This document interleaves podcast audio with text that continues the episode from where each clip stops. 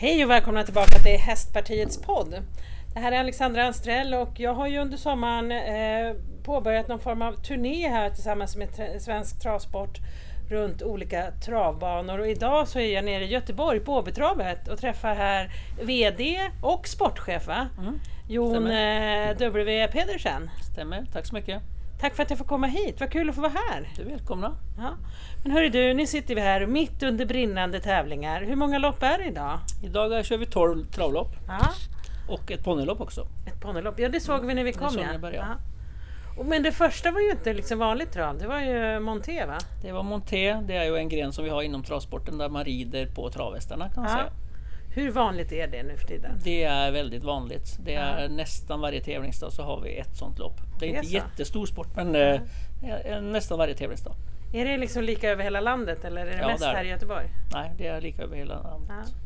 Men Jon, berätta, vem är du då? Vem är jag? Jag är eh, medelålders man från eh, Norge och alltid varit travintresserad sen jag var liten och det har varit trav. Jag har varit utomlands en hel del. Jobbat i USA, Italien, och Sverige, Danmark, Norge. Så jag har varit liksom provat att förkovra sig inom travet. Mm. Eh, och jag har varit här på Åby sedan 1996 eh, och då började jag som travtränare här på Åby. Då. Mm. Sen hållit jag på med att vara travtränare här fram tills 2012 då jag fick en förfrågan om jag ville vara sportchef på banan. Och det är väl inte helt vanligt i Sverige att man kommer från sporten och tar en sån administrativ roll kan man säga. Mm. Men jag fick förfrågan om detta och sen så har jag kört parallellt Åra VD här från ett och ett halvt år tillbaks. Men du, varför är det inte så vanligt att man tar någon från sporten till att vara sportchef? Jag tänker, då kan man ju ändå sporten. Det borde ju varit så tycker jag. Ja. Eh, jag vet att det, jag kommer från Norge, där är det rätt så vanligt att okay. man gör. Och många andra sporter, många sporter så blir det ju aktiva spelare, blir ju tränare, de blir ju sportchefer i klubbar och sånt där. Men inom travet har det inte varit så vanligt. Men eh, jag tror jag faktiskt jag var den första. Mm -hmm. Och nu kanske det blir lite fler framöver ska jag gissa i alla fall. Mm.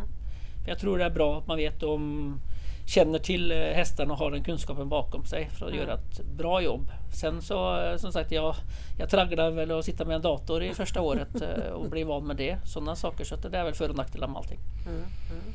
Jaha, men 1996 var du här och sen 2012. Det är ändå ganska många år. Ja, absolut. Vad tänker du under de här åren som du har varit här? Vad, liksom är, det, vad är du mest nöjd över? Jag är mest nöjd över att vi har en rätt så ung stab att vi har skapat eh, väldigt framåtanda mm. och vi är inte rädda att hitta på väldigt nya idéer mm. och, och, för, och gör, göra någonting ja, utav idéerna också. Så att vi, vi provar att ligga lite i framkant, mm. både med anläggningen och med kring det sportsliga helt enkelt. Ja, just det. Och för er som lyssnar så vet ni, vi sitter här mitt i brinnande travdag så det springer lite folk här fram och tillbaka för de jobbar ju här, vilket är viktigt mm. att man gör. Men du, man ligger i framkant då. Om du jämför Åby med andra eh, travbanor i Sverige. Mm. Vad är det som utmärker Åby? Det skiljer ju inte jättemycket. Vi har ju en travbana som har rund typ nästan som alla andra travbanor ser rätt likadana ut. Eh, men vi har en anläggning som är kanske lite modern och kommit lite längre då eh, kan man säga. Eh, det var ju alltid en, en lång tid tillbaks så blev det eftersatta väldigt mycket travbanorna och väldigt dåligt publika anläggningar. Då. Eh, och där var ju Ulvida en av de första som verkligen gjorde någonting åt det och skapade en bättre publik anläggning. Då. Eh, för det är liksom lite brist på pengar inom sporten och vi kan inte göra allting. Så att eh, det är, de aktiva vill ju ha lite mer för att de ska kunna driva sin sport och banorna måste också eh, bli bättre och mer hållbara och det är någonting vi har satsat på här på Åby. Och när vi har gjort oss mer moderna så har vi också satsat på väldigt hållbarhetsanpassad eh, anläggning. Då. Och det är vi, vi måste göra det i det samhället som är idag. Vi får ingen förfrågningar på konferenser om vi inte gör någonting med hållbarheten. Så vi har satsat mycket med ja, solceller och ta hand om våra sopor och eh, gödsel tar vi hand om. Och, mm. Så att vi är väldigt, vi är ju väldigt, vi är ju Mölndal och vi vi säger att vi vill vara the good citizen i Mölndal. Så vi använder allt som heter Mölndal före. Mölndals Energi och det är Mölndals parkeringsbolag. Och vi, vi, vi provar samarbete väldigt lokalt. Då. Mm. Det tror jag vi har med framgång och det märker vi också med inom kommunen. Vi har ju gott, jag tror vi har ett gott eh, anseende inom Mölndals kommun. Mm. Och vi har också två representanter från kommunen i vår styrelse. Ja, ja. Så det har vi väldigt nytta av. Mm. Är det något liksom, måste det vara det eller eh, Nej. ni har valt att ha det för att få en god relation? Ja, det är, det, det är väldigt sällan det är så. Vi är kanske en av de få banor som har det. Mm. Därför så har jag märkt det också att när vi har den här bra relationen så, eh, så fungerar det lättare att jobba med kommunen Mm. också. Det är jättebra. Jag tänker eh, med när vi fick gå omkring här innan tävlingarna började så fick vi också gå ner på stallbacken. Att ni berättar lite om er stallbacke. Den ser ju inte riktigt ut som alla andra stallbackar. Nej, det, den flesta stallbacken är ju en publiksida och en stallbacksida. Eh, vi har ju publiksidan och stallbacksidan på samma sida. Eh, så hästarna står väldigt koncentrerat på en väldigt liten yta. Eh, just nu så har vi 160 hästar som är uppstallade bara på tävlingsdagen men det blir väldigt kompakt och eh, folk blir väldigt nära varann. Mm. Eh, många andra stallbackar är ju kanske över några kilometer. Eh, de har ju uppstallade hästar däremot många av dem. Det har ju inte vi. vi Så det är inga hästar som står här till vardags? Nej, liksom? det är en ren Nej. tävlingsanläggning helt Ja. enkelt. Så att det, det är ju Solvalla har ju inte heller några hästar permanenta förutom sin travskola. Så det är, det är några travbanor som har väldigt få hästar. För det, de har ju blivit inväxta i städerna, eh, banorna. Så att eh, många städer ligger ju mitt inne i en stad och det är inte, kanske inte lämpligt och inte önskvärt att ha hästarna mitt inne i stan. Man vill ju ha dem på landet och där är lite grönt gräs och trän och så. Mm. Men något som var väldigt fantastiskt tycker jag i alla fall, det var ju att man som publik kunde titta ner genom glasrutan ner i stallet. Det var ju en av våra idéer när vi gjorde det här, att publiken skulle komma. Vi kan inte släppa dem helt nära på grund av säkerhets, eh, säkerhets... Och då valde vi liksom att de kan komma så nära som de inte kan ta på hästen fast se vad de håller på med dem då. Eh, Och sådana dagar som är idag när det är mycket publik så är det väldigt mycket publik med fönstren och kollar in och ser hur de gör och ser det och sånt där. Mm. Eh, För då kan de ju lite följa ut hur en vardag ser ut för eh, hästskötaren och tränaren och så som är på plats Mm. helt enkelt. Har det alltid varit liksom hästar på agendan för din del som du vill jobba med? Ja, eh, nu jobbar jag inte så mycket med just praktiken som jag gjorde innan då, men eh, jag älskar ju de här djuren. De Mm. är fantastiska och det är, de är lätt, väldigt lätt att tycka om. Det är stora och kraftiga djur men de är också väldigt fogliga. Mm. Har du någon favorithäst genom tiderna? Jag har nog många. jag har nog många sådär. Men det är liksom, många är ju de hästarna som du har varit, hållit på och jobbat med själv, som kanske inte har varit så stora kärnor, men som har varit väldigt personliga då. Så jag hade ett sto en gång som hette Beatrice Ås, som var ett kolsvart sto. Som var, hon var väldigt framgångsrik också, men eh, det var liksom att eh, hästen var ju väldigt personlig. Mm. Och det tror man inte. Man, eh, menar, man kan ha personlighet, relation med hundar och kanske katter och allt sånt där också, men det har man ju verkligen med hästarna. Så det blir ju lite som en familjemedlem när man jobbar med dem, som man gör. Så att, sen finns det ju, mm, finns det ju världskärnor också såklart som man har Ja. beundrat genom tiden. Kallblod eller varmblod? Eh, jag säger varmblod fast jag äger kallblod. så att, eh, nej, men varmblod har varit stått mig lite närmare för jag har, jag har jobbat och varit aktiv i USA och lite sånt där och där är det ju inte kallblod. Men jag älskar kallblodssporten också så att jag är faktiskt en delägare i en väldigt eh, rätt känd kallblodshäst faktiskt. Mhm. Men det är mer, mer Måste du en... berätta vad den heter? för Den heter blev- heter den. Jaha. Den har vunnit eh, typ en 30 lopp och Oj. varit väldigt framgångsrik då. Den Mm. står eh, tränad i Norge faktiskt men den tävlar en del i Sverige. Mhm. Eh, när du jobbade i USA, hur stor är liksom travsporten i USA? Eh, travsporten är ju inte så jättestor kan man säga. Det är ju galopp och trav där borta hästmässigt och galoppen är ju gigantiskt stor. Mm. Eh, travsporten är ju egentligen där allting stammar från. Det vi håller på med i Sverige och i Europa kommer ju egentligen från USA. Mm. Så de har ju det finaste och bästa avelsmaterialet. Och svenskarna har ju alltid varit duktiga att åka och handla från dem. Eh, Därför så är ju svensk eh, avel är ju kanske en av de bästa i världen just nu ska jag Mm. gissa. För de har avlat, i Sverige har vi avlat på det bästa amerikanska blodet och det bästa franska. Så vi har fått en väldigt eh, bra hållbar häst. Mm. Det som är i USA det är att det har väl blivit väldigt mycket inavel och lite sånt där. Så de, de provar väl att komma, ta hit lite franska hästar också till USA nu. Mm. Men det är ju väldigt, det är ju en väldigt häftig sport där borta. Eh, så att den är stor men eh, jag tror det är inte en sån folksport som det är i Sverige. Okej.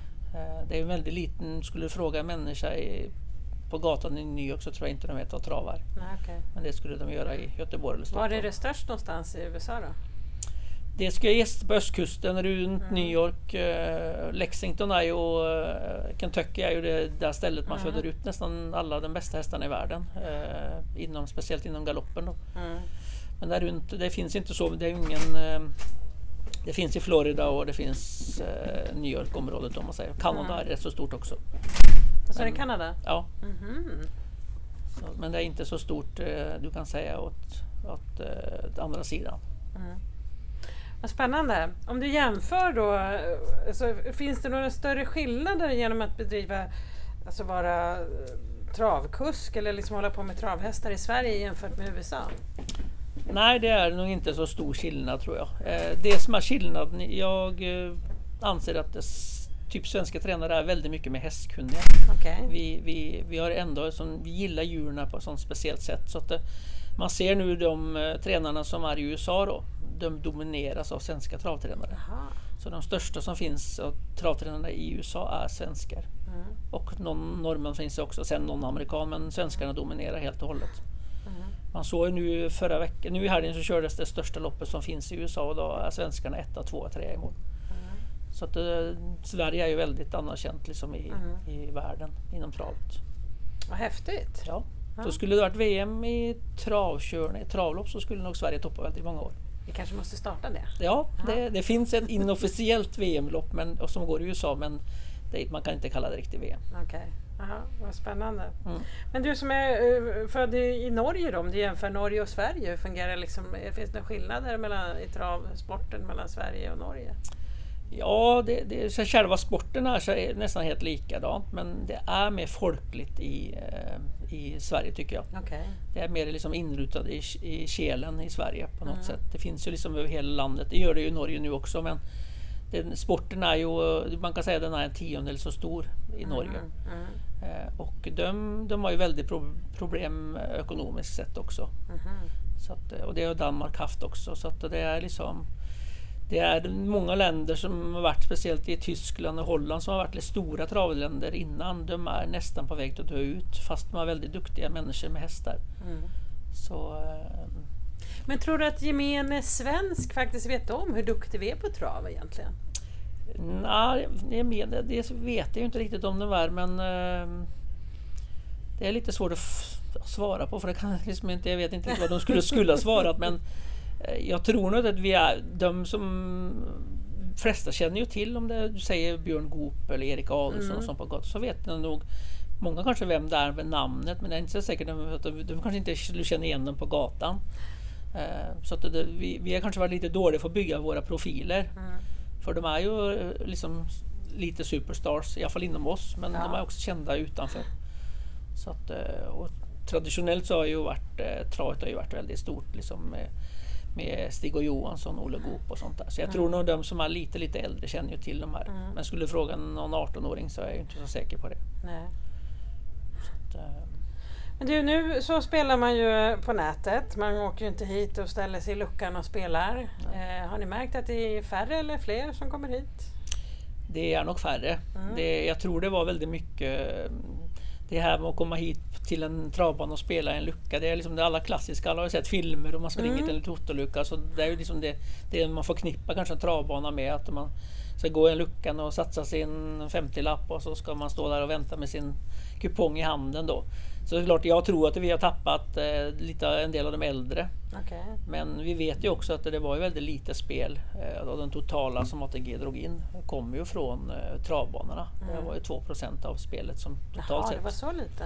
Så, ja, så att det, du kan säga för våran del så på travbanorna så är det ju det är en förbättring ekonomiskt sett att inte ha det på travbanorna. För mm. vi hade ju väldigt stora lönekostnader att ha så många som satt i luckorna. Men eh, för upplevelsen att vara på travet så tycker jag det är en klar nackdel. Mm. Jag skulle gärna vilja se att man skulle kunna ha lite luckor.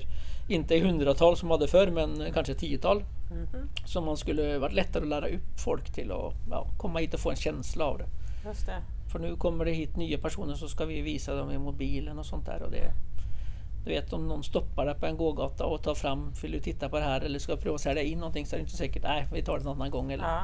så, så, att, eh, så där, det, vi har ju mycket jobb framför oss men jag säger att om tio år så skrattar vi kanske åt det. Det var kanske inga problem. Nej. Gör ni några insatser för att ni ska få fler att komma hit? Liksom, med andra happenings eller så? Ja, det gör vi. Det är ju liksom det, vi måste ju det. Mm. Så att vi, vi gör mycket uh, olika saker. Vi, har ju, vi brukar köra olika temagrejer då. Eh, tjejkvällar är ju jättepopulära. Då har vi full restaurang med bara tjejer. Mm. Men vi brukar också liksom, nu kör vi en kampanj som vi har sista torsdagen i varje månad. Typ. Att vi kör ett väldigt... Vi märkte ju det lite grann nu. Inflationen stack i vädret och det blev dyrt att sätta mat på bordet. Så att vi har väldigt billig mat vissa tävlingsdagar. Och då är det full restaurang. Så vi ser att priset har en avgörande faktor också. Och lockar vi hit dem så hoppas jag att vi ska kunna lära dem så pass mycket om häst som de ska tycka det är lite spännande. Mm. Driver ni restaurangen i egen regi? Ja det gör vi. Mm. Det gör vi. Eh, vi började med det precis en må eller, typ en halvår innan pandemin slog till så det, var, det har inte varit en lyckad satsning. Så vi hade väldigt tuff uppförsbacke. Vi satsade all in på att göra egen restaurang och konferensgrejer så vi hade nästan 23 anställda bara på den biten. Mm. Och, och, nu har vi tre kvar. Och vi har inte börjat upp den på samma sätt som vi hade innan. Så vi hyr in, så som idag när vi har väldigt mycket personal så hyr vi in allt personal. Mm. Vi kan inte sitta med så mycket extra personal, eller egen personal själv längre. Nej. Men hur är enkelt är det att hitta personal då? Jag tänker att det är ju många som klagar just i restaurangbranschen. Ja, och det är samma för oss. Mm. Eh, vi, får verkligen, vi har ju ett fint bra bemanningsföretag som vi eh, anlitar som vi får in en del. Men det, det plockas ju från alla. Det är många mm. av dem som jobbar här idag och åker säkert till andra krogar i Göteborg ikväll. Mm. Nu är det ju eh, trav här ikväll. Ni har ju eh, en stor, eh, stora, Åby Stora Pris heter det va? Stämmer. Ja, vad är det för speciellt med det? Liksom? Det är ett av loppen som går ikväll. Ja, det är ett av loppen som går ikväll och det, det är ju startade 1936 när banan öppnades så det har en väldigt traditionell lång historia bakom mm. sig. Som det, och de allra bästa hästarna som har funnits i världen har ju varit här och vunnit det här loppet. Så det är väldigt eh, väldigt, vill, man vill ju vinna det här loppet. Legolas och alla ja, sådana här som man kommer Alla ihåg. som man känner igen har ju nästan varit och vunnit det här eh, loppet, bland annat Legolas också. Så eh, det är ju ett stort lopp på pappret. Sen så skiljer det kanske inte så mycket mot andra travlopp pengamässigt och sånt men det är en och en halv miljon i det här första, första priset det här loppet och det som är nu att distansen är ju tre varv, alltså springa tre varv då. Mm. Så det är väldigt tufft och så det, det, krävs lite grann av sin häst och kusk för att vinna det här loppet. Så att, eh, det är ett populärt lopp, helt klart. Mm. Så nästa år är ju tanken att vi, vi, ju, vi hade ju första priset i det här loppet var lite högre för några år sedan. Men vi sänkte det här eh, bara för att vi ska prova att putta allt in i potten till nästa år. Då. Mm. Och då, ska jag, då kommer loppet heta Åby World Grand Prix. Och då är tanken att vi ska prova att locka till oss alla de bästa hästarna i världen. Varför byter man namn då? då? Nej, det är bara det året. Okay. Så det här är som, det är som VM i fotboll, att det kommer tillbaka var fjärde år. Jaha, ah, ja, förstår. Man hinner inte tröttna på, tröttna på det. Men du, om man vinner en och en halv miljon, vem är det som får pengarna egentligen? Det är hästägaren. Hästägaren? Ja. Hur mycket får kusken då? De, oftast så får ju tränaren 10 procent. Och då får kusken dela dem så att han får 5 procent var. Mm. Om det inte har samma kusk som tränare. Då. Mm. Så uh, ungefär så är det 10 procent mm. som är vanligt. Det kan vara att några har någon annan ordning med 10, 12, 15 procent också. För man kan mm. ge någonting till hästkötarna också. så det är lite olika. Men nu när vi har varit här och sett några lopp så har det varit olika prisutdelare. Jag fick ju vara möjligheten att vara prisutdelare. Det var ju roligt. Jag kan komma när som helst, det är bara att ringa. Ja. Men det, sen var det några andra som... Alltså vem, är det du som bestämmer vilka som får vara med och dela ut? Eller de heter olika saker, loppen och, och så vidare. Ja. Hur funkar det där? Nej, men vi, vi, vi skapar, vi skapar tävlingsdag så är det ju att vissa lopp har ett speciellt namn. Men eh, oftast är det så att vi provar att få en loppsponsor på det här mm. loppet eller en samarbetspartner. Då. Och så som då, för exempel, vi har ju haft BMW här idag som mm. har varit en eh, sådana där. Och då väljer vi att prisutdela det till den som driver firman eller ja, är representant för företaget helt enkelt. Då. Så då får de komma och synas och prata lite om sitt företag och lite sånt där. Mm. Sen eh, brukar vi ha en anknytning. Det kan ju vara liksom att det visst är någon eh, historisk kusk som vi har. Typ i, när vi kör Svenskt mästerskap här i september så har vi Olle Goops pokal. Mm. Då har vi familjen Goop som är här och delar ut ja, Olles pokal kan man säga. Mm. Så att vi knyter det lite, lite grann an till eh, de här sakerna. Mm. Men eh, lopp, själva lopprubriken det bestämmer jag, oftast jag som har satt dem då. Men så mm. är ju de här, det är ju klassiska lopp sen som har kört i många, många år innan också. Så de rullar vidare. Mm. Hur många travlopp per år kör ni här i Göteborg? Travlopp, vi kör 52 tävlingsdagar så vi kör 550 lopp ungefär. Oj. Mm. Eh, det har minskat lite under åren. Så ni har ett eh, tävlingsdag i veckan i stort sett? kan man säga. Vi, vi, nu körde vi inga tävlingar i juli för att uh, vi, vi har liksom, då är det mycket, mycket tävlingar på våra grannbanor. Uh, så då val, valde vi inte att köra men annars är det som du säger snittet lopp i veckan. Mm.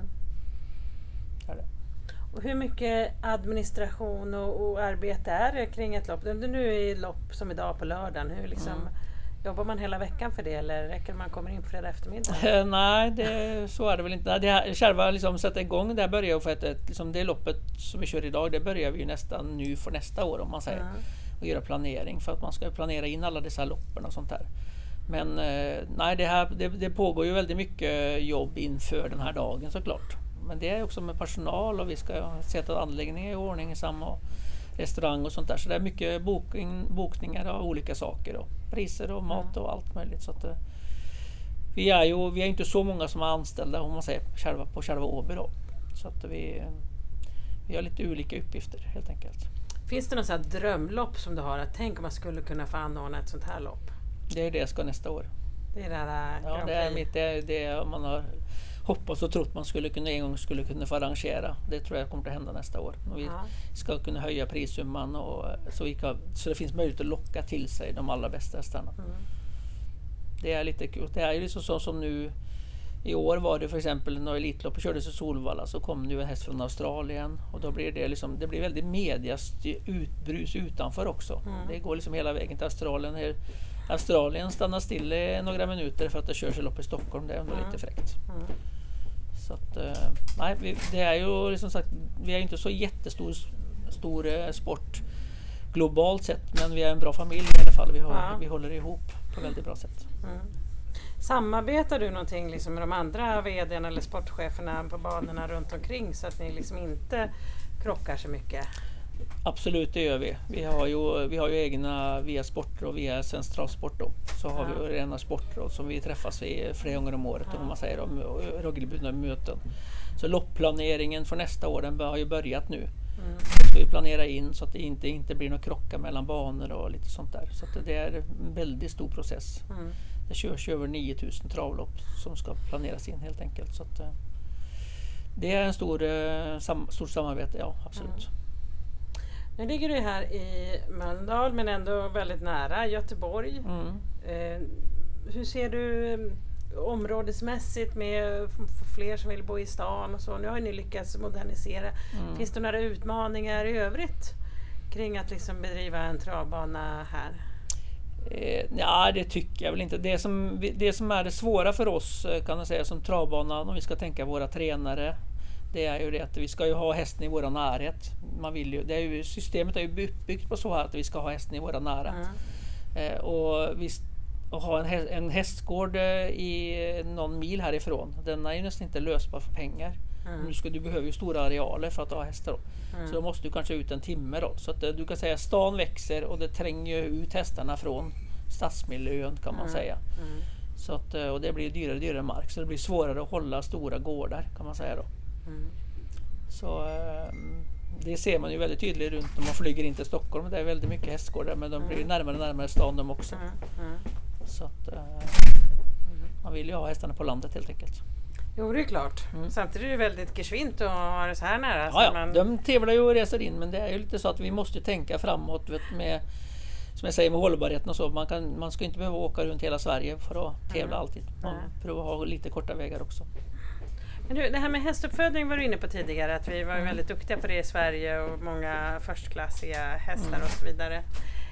Um, under Corona så var det många som poängterade att det fanns en um, en hästbrist eller att det blev en hästbrist. Mm. Var det någonting som man såg inom eh, travet också eller liksom har den uppfödningen och eh, efterfrågan, tillgång varit hyfsat stabil? Ja, den har varit stabil fast på en lägre och sämre nivå. Mm. Vi, har, vi har tappat under åren väldigt mycket mm. uppfödning i Sverige, absolut. Mm. Och det ser man speciellt i grannländerna nu. De har tappat ännu mer. Okay. Eh, och vi, måste, vi, har, vi har behov av import och export mellan länderna för att få det här att fun funka. Då. Så det är lite oroväckande med de sämre siffrorna som man visar i våra... Sverige är en stabil nivå nu. Men övriga Norden och eh, Nordeuropa är ju sämre. Mm. Så det kommer vi nog att lida för om en 6-7 år i alla fall, ska jag. Mm. Så det kanske blir ännu mindre tävlande. Mm. En annan brist som är väldigt aktuell och varit länge men eh, som alltid blossar upp under sommaren är ju veterinärbrist. Mm. Hur ser det ut för er del? På det, är faktiskt en, eh, det är faktiskt en brist på det. Det är mm. svårare för oss också. Vi, vi, har ju, vi ska ju ha, nu som vi tävlar idag, så har vi två banveterinärer från Jordbruksverket här idag och vi har en jourveterinär mm. mm. som ska kunna ta hand om hästarna om det skulle hända någonting. Så vi har ju tre veterinärer på plats under dagen idag. Mm. Och det är inte helt lätt. Nu har vi en, en, klinik som vi har rätt nära här som vi samarbetar med. Så för mm. oss är ju problemet hyfsat eh, enkelt att lösa. Mm. Men det pratas ju om på våra möten att det är ju ett stort problem att vi inte mm. får tag på veterinärer. Mm. Eh, sen är det ju, eh, de aktiva har ju sina egna kan säga, sportveterinärer om man säger då. Eh, och där, där är det ju många som har använt dem genom många, många år. Och det kommer ju några nya också. Så att hur stort problemet är för dem det är jag inte säker på. Men just för oss är det hyfsat svårt faktiskt. Mm, mm.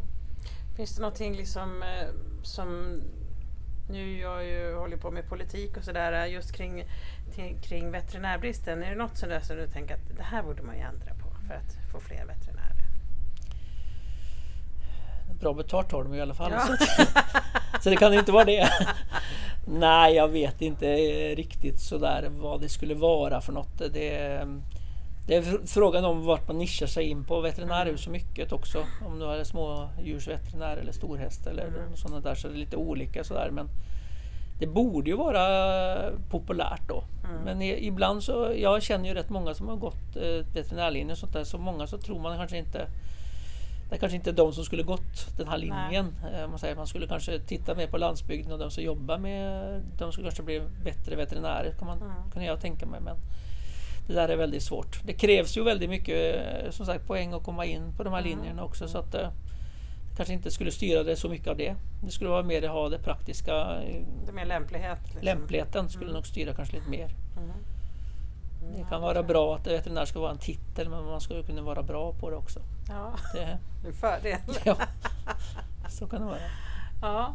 Jag tänker om du var i mina kläder då en dag, eller inte ens i mina, om du vore liksom i en ministers kläder en dag och satt i regeringen och ansvarade för hästnäringsfrågor. Är det något som du skulle liksom vilja bestämma för att förbättra för Sveriges hästnäring? Högt eller lågt?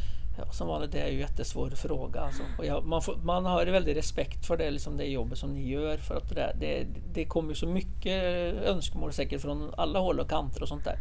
Men ibland tror jag det är bättre att man skulle kunna bestämma sig för några få punkter och driva mm. igenom dem. Eh, så inte det blir så mycket. Det känner jag i allt vi håller på med. Det är, det är inom travet också. Vi, håller på, vi är lite spretiga. Mm. Satsa på några få saker som man verkligen genomför.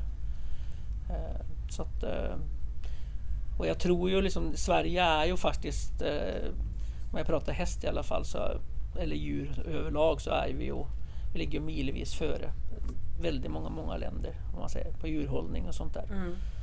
Så det, det, är nog, det är nog rätt bra. Sen är det ju som jag vet många tränare som håller på, det, det blir ju väldigt mycket regler. Mm. Till slut så ger man upp i den här regeldjungeln att man orkar inte och man ska mm. starta ett företag och det går inte. Och, så man nästan liksom förstör ju de som verkligen skulle vilja driva med det här. De orkar ju inte för det är, för mycket byråkrati i det. Mm. Och det gäller våra, våra sätt för att ha egen häst också. Det ska inte vara något krångligt för att ha egen häst. Du ska egentligen bara ta ditt bank-id och så ska det vara klart. Liksom. Men det, det kommer, det håller på att komma så det vill bli bättre. Mm. Så lite minskat regelkrångel och fokusering på ja. ett antal bra saker. Mm. Hur många hästar har du nu? Som jag äger? Ja. Jag äger en, en 20 procent i en galopp, kallblodshäst och en 10 procent i en galopphäst. Ja. Och ingen travhäst. Men hur ofta träffar du de hästarna man äger som en andel? Sådär? Nej, den som jag har, den, den är ju oftast bara när den tävlar. Mm. Sen kan vi att vi har några, en liten meeting med ägarna så vi åker upp och träffar den och mm. lite fika med stallfolket och sånt där. Är det, så att du, det är inte så att du är ute och galopperar på dem? Nej, jag kör ju faktiskt lite häst då och då nu Mm. också men jag, eh, just de som tävlar vill man ju inte riskera någonting med. Nej. Men du avslutningsvis, eh, apropå att köra själv. Ni har ju en travskola, eller hur? Fast Ja. den ligger inte här. Nej, den ligger inte på banan i och med att vi inte har permanenta hästar här så Nej. ligger den den ligger bara 15 minuter härifrån eh, i Höglanda i Kungsbacka. Då. Där har vi byggt upp ett fint center eh, som är helt nybyggt från grunden. Så det är, det är väldigt fint och eh, där har vi, vi har tre st- heltidsanställda plus timpersonal. och- Så där har vi ponnyer och stora hästar och du kan lära dig att köra häst och du kan lära dig egentligen bara vara med hästarna också. Mm. Vi har också ju, vi kör ju lite handikappkörning och vi går ut med våra hästar till ålderdomshem och provar liksom vara, visa att vi är aktiva i området kan man säga. Mm. Så det, det, har, det har ju ehm, det är inte alltid att vi mäts i många licenser. Det blir till slut, vi mäts ju också att det är ju en samhällsnytta av att få folk nära och komma hästarna. För Mm. hästarna är väldigt bra. De dömer ingen i alla fall. Verkligen inte.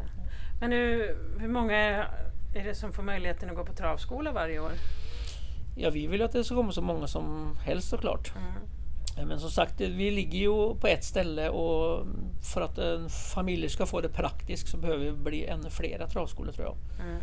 Så vi tittar ju på det här och göra det lite mer mobilt, att vi kan åka runt och få fram intresset då. Mhm. Eh, ta med oss hästarna till ställen som kanske har lite ställen som har lite segregation i och sånt där och komma in för de är oftast är de väldigt duktiga med djur. Mm. Så eh, det är en, en, en idé vi pratar om nu att vi ska skapa, göra den mer mobil. Mm. För att vara på ett ställe, om den är i Kungsbacka så är det inte lätt att ta sig från norr om Göteborg och ta sig dit. Nej. Det är inte. Mm. Så vi borde vara många fler travskolor. Måste varje travbana ha en travskola? Det är inget krav på det men Nej. alla har det. Ja. För det, det är så viktigt med, med ja, rekryteringen helt enkelt. Så att det, det är väldigt viktigt. Ja. Gud vad spännande. Och om man nu skulle vilja gå på travskola här, vad liksom, hur vet man, vart ska man ta kontakt? Då kan man gå in på vår hemsida, hovedtravet.se och så kan man söka travskola. Där finns alla kontaktuppgifter. Och det, finns, och det är ju inte så att det, det hör ut som en travskola där bara för yngre. Men vi har lika många pensionister där som vi har. Mhm. Du kan börja med trav när du vill i året. Så att vi, vi har liksom ingen, eh, det finns ingen åldersgräns. man säger. Vi tar inte helt de helt minsta barnen men, eh, men eh, du kan säga allt från 6 till 100 år Mm. så är det välkomna. Och det är verkligen åldersskillnad på dem. Mm. Finns det någon skillnad på när man sen väl kör ett travlopp? Alltså om man vill ha licens, kan man vara hur gammal som helst då? Eller finns det Ja, det finns, ja nej, nu är det, det finns ingen åldersdiskriminering. Eh, förr var det så att fick, man fick köra till man var 70 år, så fick man inte köra längre. Men åldersgränsen den är ju borttagen nu, så du får köra egentligen så länge du vill. Mhm. Men att du måste ha ett läkarintyg. Mhm. Och är du fyllt 70 år så måste du ha läkarintyg varje år istället för varje femte år som var innan dess. Då. Vilken är typ den äldsta kusken som kör runt på banorna nu? Vi har en eh, gammal tränare här som är 75 Mhm. Som är proffstränare. Han har varit verksam i många länder, speciellt så har han vunnit nästan allt som är att vinna i USA. Mhm. Han kör, de kör ju inte så mycket längre. De, de vet ju sina begränsningar också. Det är ju så, är man lite yngre så är man lite snabbare och Mm. reflekt. Och sådär. Så skulle man ramla av när man har 75 så är det också lite större risk för att det händer någonting. Så att, eh, men det är ju liksom en häftig sport på det här att man behöver inte vara 25 och så är det slut på sin aktiva karriär. Du är kanske bäst när du är vi ska titta på de kuskarna som kör här idag så är det de bästa ligger kanske på 50 år. Mhm. Örjan Kihlström har ju fyllt 60 och Mm. ja, du vet så är den bästa. Så att, eh, det krävs mycket rutin och erfarenhet Mm. så man aldrig får gammal. Häftigt. Mm. Ja. Men du, stort tack för att jag fick komma hit idag. Tack nu själv. hörde vi lite skrik och så här i bakgrunden så jag gissar att det var någon som vann storartat. Precis. Ja. Eh, och eh, till er som lyssnar så mm, hoppas jag på ett nytt spännande avsnitt av Hästpartiets podd och nu ska vi gå ut och kolla in resten av tävlingarna. Tack! Tack själv.